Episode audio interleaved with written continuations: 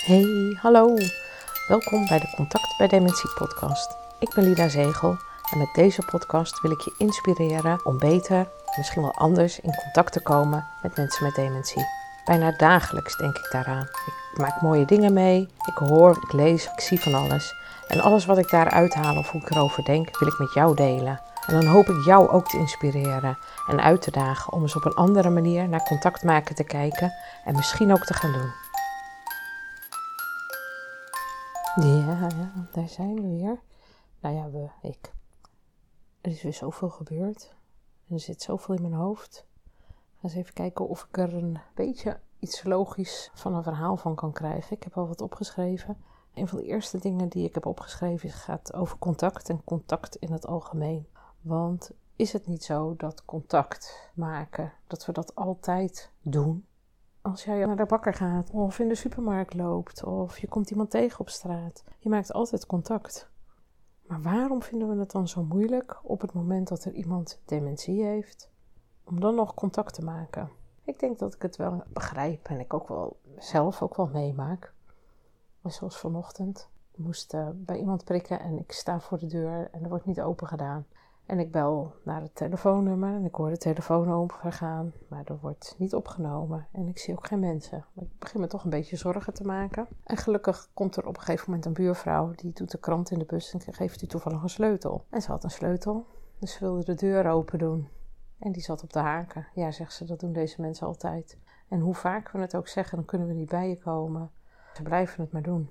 Ondertussen had ik ook op het raam getikt, best wel hard. Toen ik hoorde dat ze ook doof waren. En toen kwam er iemand aan en die wou de deur open doen. Maar dat lukte niet, want de haken zaten erop. Dus sleutel om, haken van de deur, deur open. Dan begin je met contact maken. Dat contact maken was er natuurlijk al door te tikken op de ramen. Maar dan ben je echt in het zicht van de ander. Dus het eerste wat ik zeg is: Goedemorgen, wat ben ik blij dat u de deur voor ons open doet. Want de buurvrouw wilde de deur wel open doen, maar die zat op de haken. Nee hoor, was het eerste wat ze zei. Oh jee. Oké, nou, dan is het voor mij al een trigger dat er vermoedelijk wel iets aan de hand is. Want als dat nog maar, nou, nog geen minuut geleden, een halve minuut geleden was, dat ze zelf de haken eraf moest halen en dat nu al ontkende. Oké, dus ik ging naar binnen en probeerde het te vertellen. Ik kom prikken, ik kom voor uw man. En die kwam er ook aan. En ondertussen zei ik, ja, want de buurvrouw wilde heel graag helpen, maar de haken zaten op de deur. Dat is niet waar, zei die vrouw weer. Oké. dan is het voor mij voldoende om te weten dat ik daar niet over hoef te beginnen meer. Want dat is ontkennen. En bovendien, ik was binnen, dus voor mij was het probleem ook opgelost. Dat het op andere momenten ook problemen kan zijn, ja, dat kan ik me wel voorstellen. Maar ik ga daar verder, ik had er al genoeg tijd aan besteed.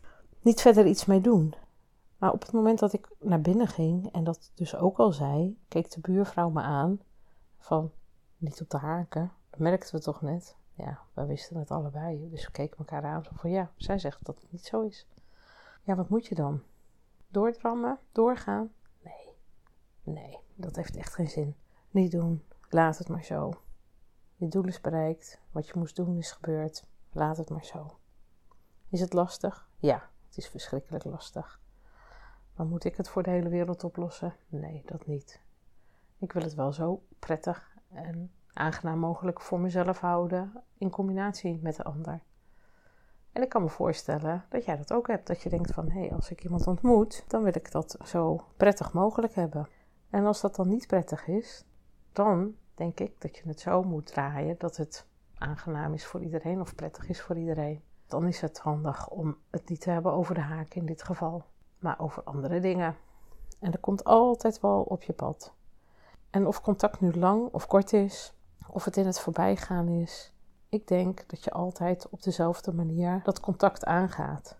Je kijkt of de ander jou ziet op het moment dat dat zo is dan geef je of een woord of je doet iets. Dat geldt eigenlijk zelfs voor dieren. Maar het is met alle mensen zo. Of ik nu bij mensen kom met een ernstige verstandelijke of meervoudige beperking, of ik nou bij mensen kom die in een GZ-situatie zitten, waarbij je soms ook niet weet hoe mensen kunnen reageren. Of dat je nou komt bij mensen met dementie, of dat je gewoon bij oude mensen komt.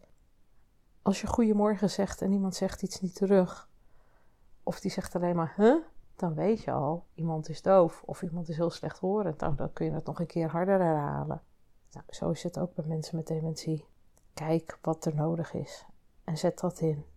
Gebruik dat. En als je nog alle ins en outs wil weten over contact, ik heb daar een uitgebreide podcast opgenomen. Volgens mij was dat nummer 4 over tips voor contact.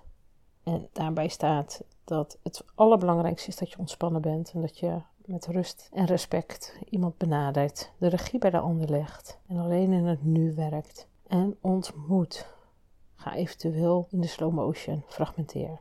Dat zijn een paar hele handige handreikingen die al vaker gebruikt worden door, ook door andere mensen. Weet ik. Uh, in ieder geval, ik weet dat andere mensen het gebruiken. Mochten er nog meer zijn, ik vind het altijd leuk om te weten. Maar het is ook, wat ik ook van de week weer las van, uh, was een stukje van Sarah Blom. Die beschreef over dat iemand niet gewassen wilde worden. En dat de zorg vond dat die, was volgens mij een mevrouw, gewassen moest worden. Waarop zij zei van waar, waarom moet ze gewassen worden? Is dat voor jullie geruststelling? En dat is natuurlijk ook een goede vraag. Waarom moet iemand gewassen worden?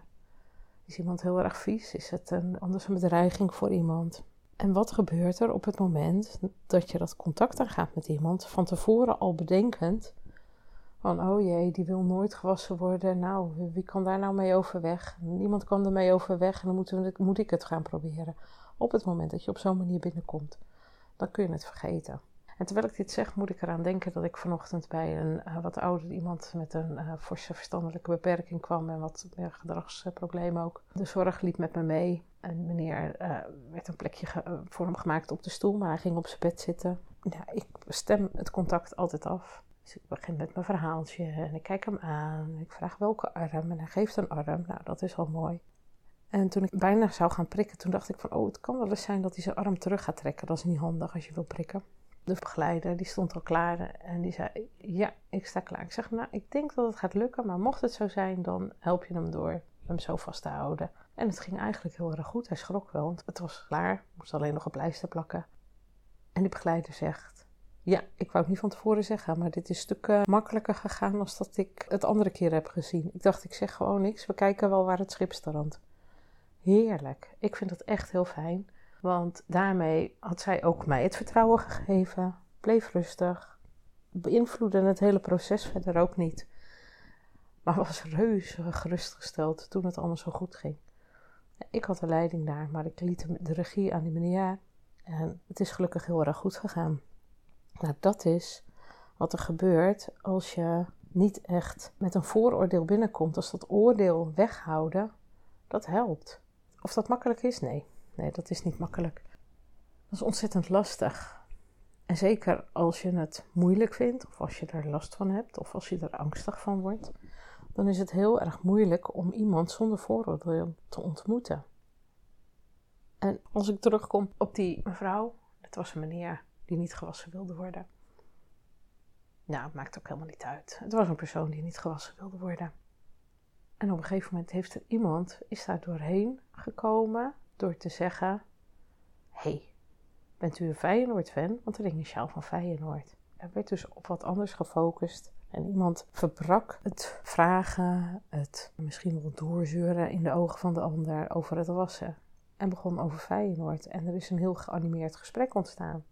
En door dat geanimeerde gesprek had deze persoon een beter contact met die ene die over Feyenoord was begonnen. Hoe simpel is het om zoiets op te zoeken op het moment dat je bij iemand bent. Ja, ik doe het zelfs onbewust, denk ik. Bedenk me nu dat ik vandaag bij iemand was die hele mooie gordijnen had hangen. En dat benoem ik dan ook.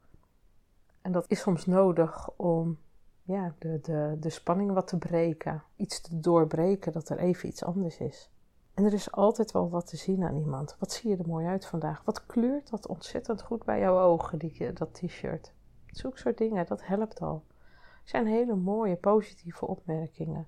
Als je weet dat iemand zich gaat verzetten, bijvoorbeeld bij mij bij het prikken, dat dat zou kunnen gebeuren, dan blijf ik iemand prijzen hoe fantastisch het is dat iemand zo goed helpt en zo met mij samenwerkt. Hoe fijn dat is. Dat helpt. Dat maakt dat uh, ja, iemand zich gezien voelt, zich rustig voelt en daarmee meer meewerkt ook. En is dat nou heel anders dan wat je in de supermarkt, op straat, op een verjaardag of ergens anders tegenkomt als je het eerste contact wil maken? Ik denk het niet. Dus ik vraag me af waarom het dan zo moeilijk is als we in het algemeen wel contact kunnen maken, maar dat dat niet lukt bij mensen met dementie. Zou dat misschien liggen aan het stigma wat we er met z'n allen opleggen? Ik las in het boek van Teun Toebus ook nog weer wat hij daarover schreef en wat hij continu herhaalt ook. Hij uh, zegt, eigenlijk zien we dementie bijna als, als een scheldwoord. En je wilt toch niet dat op het moment dat wij oud worden, dat dat nog een scheldwoord is? Wie wil dat dat nog dan zo is? En als we mensen met dementie niet als volwaardig onderdeel van de maatschappij zien, waarin ze zich dan zonder schaamte zo lang mogelijk aan kunnen deelnemen, hoe kan dat wel? Hoe kunnen we dat dan wel regelen? Wat je wel wilt, is dat dementie over 20 jaar geen scheldwoord meer is. En dat we de mensen met dementie als volwaardig onderdeel van de maatschappij zien, waarin ze zich zonder schaamte zo lang mogelijk ja, kunnen meedoen, kunnen deelnemen aan het sociale en het werkend leven. En als je nou denkt, dat kan toch niet? Dan zegt Teun ook van ja, de keuze is aan jou. Want het beeld dat hij schetst in zijn boek is ook jouw toekomst. En of je nou minister-president bent, of een scholier, of je nou rijk bent of arm, we kunnen allemaal dementie krijgen. En wat wil je dan? En datzelfde denk ik ook als ik naar de podcast Vergeten te Vragen luister. In aflevering 6 was dat. Over uh, moeilijke vragen, waarin Marlon en de broer ook zeggen dat mensen heel erg geïnteresseerd zijn, maar dan vragen van hoe gaat het nu met je moeder? Ja, wat moet je dan antwoorden? Want dat is een hele lastige vraag. Net zoals vorige week. Of ja, het zijn gewoon hele moeilijke vragen. Misschien willen mensen ook wel vragen hoe het met hen gaat als kinderen, hoe zij ervoor staan. En zij zeggen ook, hoe moeilijk dat ook is, desnoods zeg je van ik vind het moeilijk, maar ik denk aan je. Dat helpt al. En ook zij hebben het continu over het stigma. Er zijn meer mensen die dat gelukkig steeds vaker benoemen. Als er ergens staat dementerende, dan blijf ik samen met Teun, samen met Marlon, samen met heel veel andere mensen, blijf ik zeggen: nee, het zijn mensen met een ziekte. In dit geval mensen met dementie. Want een ziekte zal nooit een werkwoord zijn. En volgens mij zei Teun het ook in zijn boek. Stel je voor dat we dat met de andere grote ziekte als kanker doen. Je zegt toch ook geen kankerden? Hij is nog verder aan het kankerden. Nou, dat is echt heel raar. Dan is het echt een scheldwoord. Dat willen we niet. Dus, als we echt willen dat mensen met dementie volwaardig deel kunnen nemen aan de samenleving, alsjeblieft, heb het dan niet meer over dementerende. Dat is de laatste keer dat ik het zeg. Heb het over mensen. Mensen met dementie. Mensen met een ziekte. Dan vind je het moeilijk om te vragen hoe het met ze gaat. Zeg dat dan. Zeg dat ook tegen hun familie, hun omgeving. Zeg gewoon: Ik vind het moeilijk, maar ik denk wel aan je. Wat zou ik nou het beste kunnen vragen? Die vraag zou je zo kunnen stellen aan iemand. En misschien zegt iemand dan: Ik zou het ook niet weten, maar ik vind het wel fijn dat je even wat zegt. En het andere wat ik heb gezegd is over contact maken. Over dat je altijd contact maakt. En dat dat altijd afstemming vraagt. Kijken of dat kort is of lang is. Of het nou met een jong iemand is, kleine kinderen. Hoe maken we contact met kleine kinderen? Hoe doen we dat met kinderen van drie jaar? Hoe doen we dat met kinderen van vijf jaar? We doen het allemaal en iedere keer weer op een andere manier. iedereen doet het ook op zijn eigen manier. Dat is ook goed. Alleen kunnen we ook van elkaar leren. En op het moment dat je van elkaar kunt leren, dan is het misschien wel mooi om eens af te vragen: hey, waarom doe ik het eigenlijk altijd zo? Waarom zou ik niet eens wat anders proberen? Waarom zeg ik dementerende? Waarom durf ik niet te vragen? Waarom ben ik bang voor iemand? Waarom kan ik niet gewoon ontspannen, helemaal leeg, gewoon de ontmoeting aangaan en kijken wat ik op mijn pad tegenkom? Mooie vragen, denk ik, om jezelf te stellen en over na te denken. Ik denk dat het wel weer voldoende is. Ik zeg dan ook heel graag: maak er weer een mooie week van. Tot de volgende keer. Doei! Ja, dat was het weer. Wat fijn dat je luisterde naar deze podcast. Super bedankt daarvoor. Want samen maken wij de kloof naar mensen met dementie minder groot. Abonneer je dan ook op deze podcast als je automatisch een bericht wilt ontvangen als er weer een nieuwe aflevering online is. En als jij een review achterlaat of een sterrenwaardering, kan deze podcast ook nog sneller gevonden worden. Hoe mooi zou dat zijn? En het zou nog fijner zijn als jij jouw positieve ervaringen wil delen op een van je socials, bijvoorbeeld met een schermafbeelding. Je kan het altijd doorvertellen natuurlijk. Nog makkelijker. En wil je mij persoonlijk benaderen? Dat kan via mijn Facebook of Instagram pagina van Maatcontact of per mail lida.maatcontact.nl Nogmaals, super bedankt voor het luisteren en heel graag tot de volgende keer.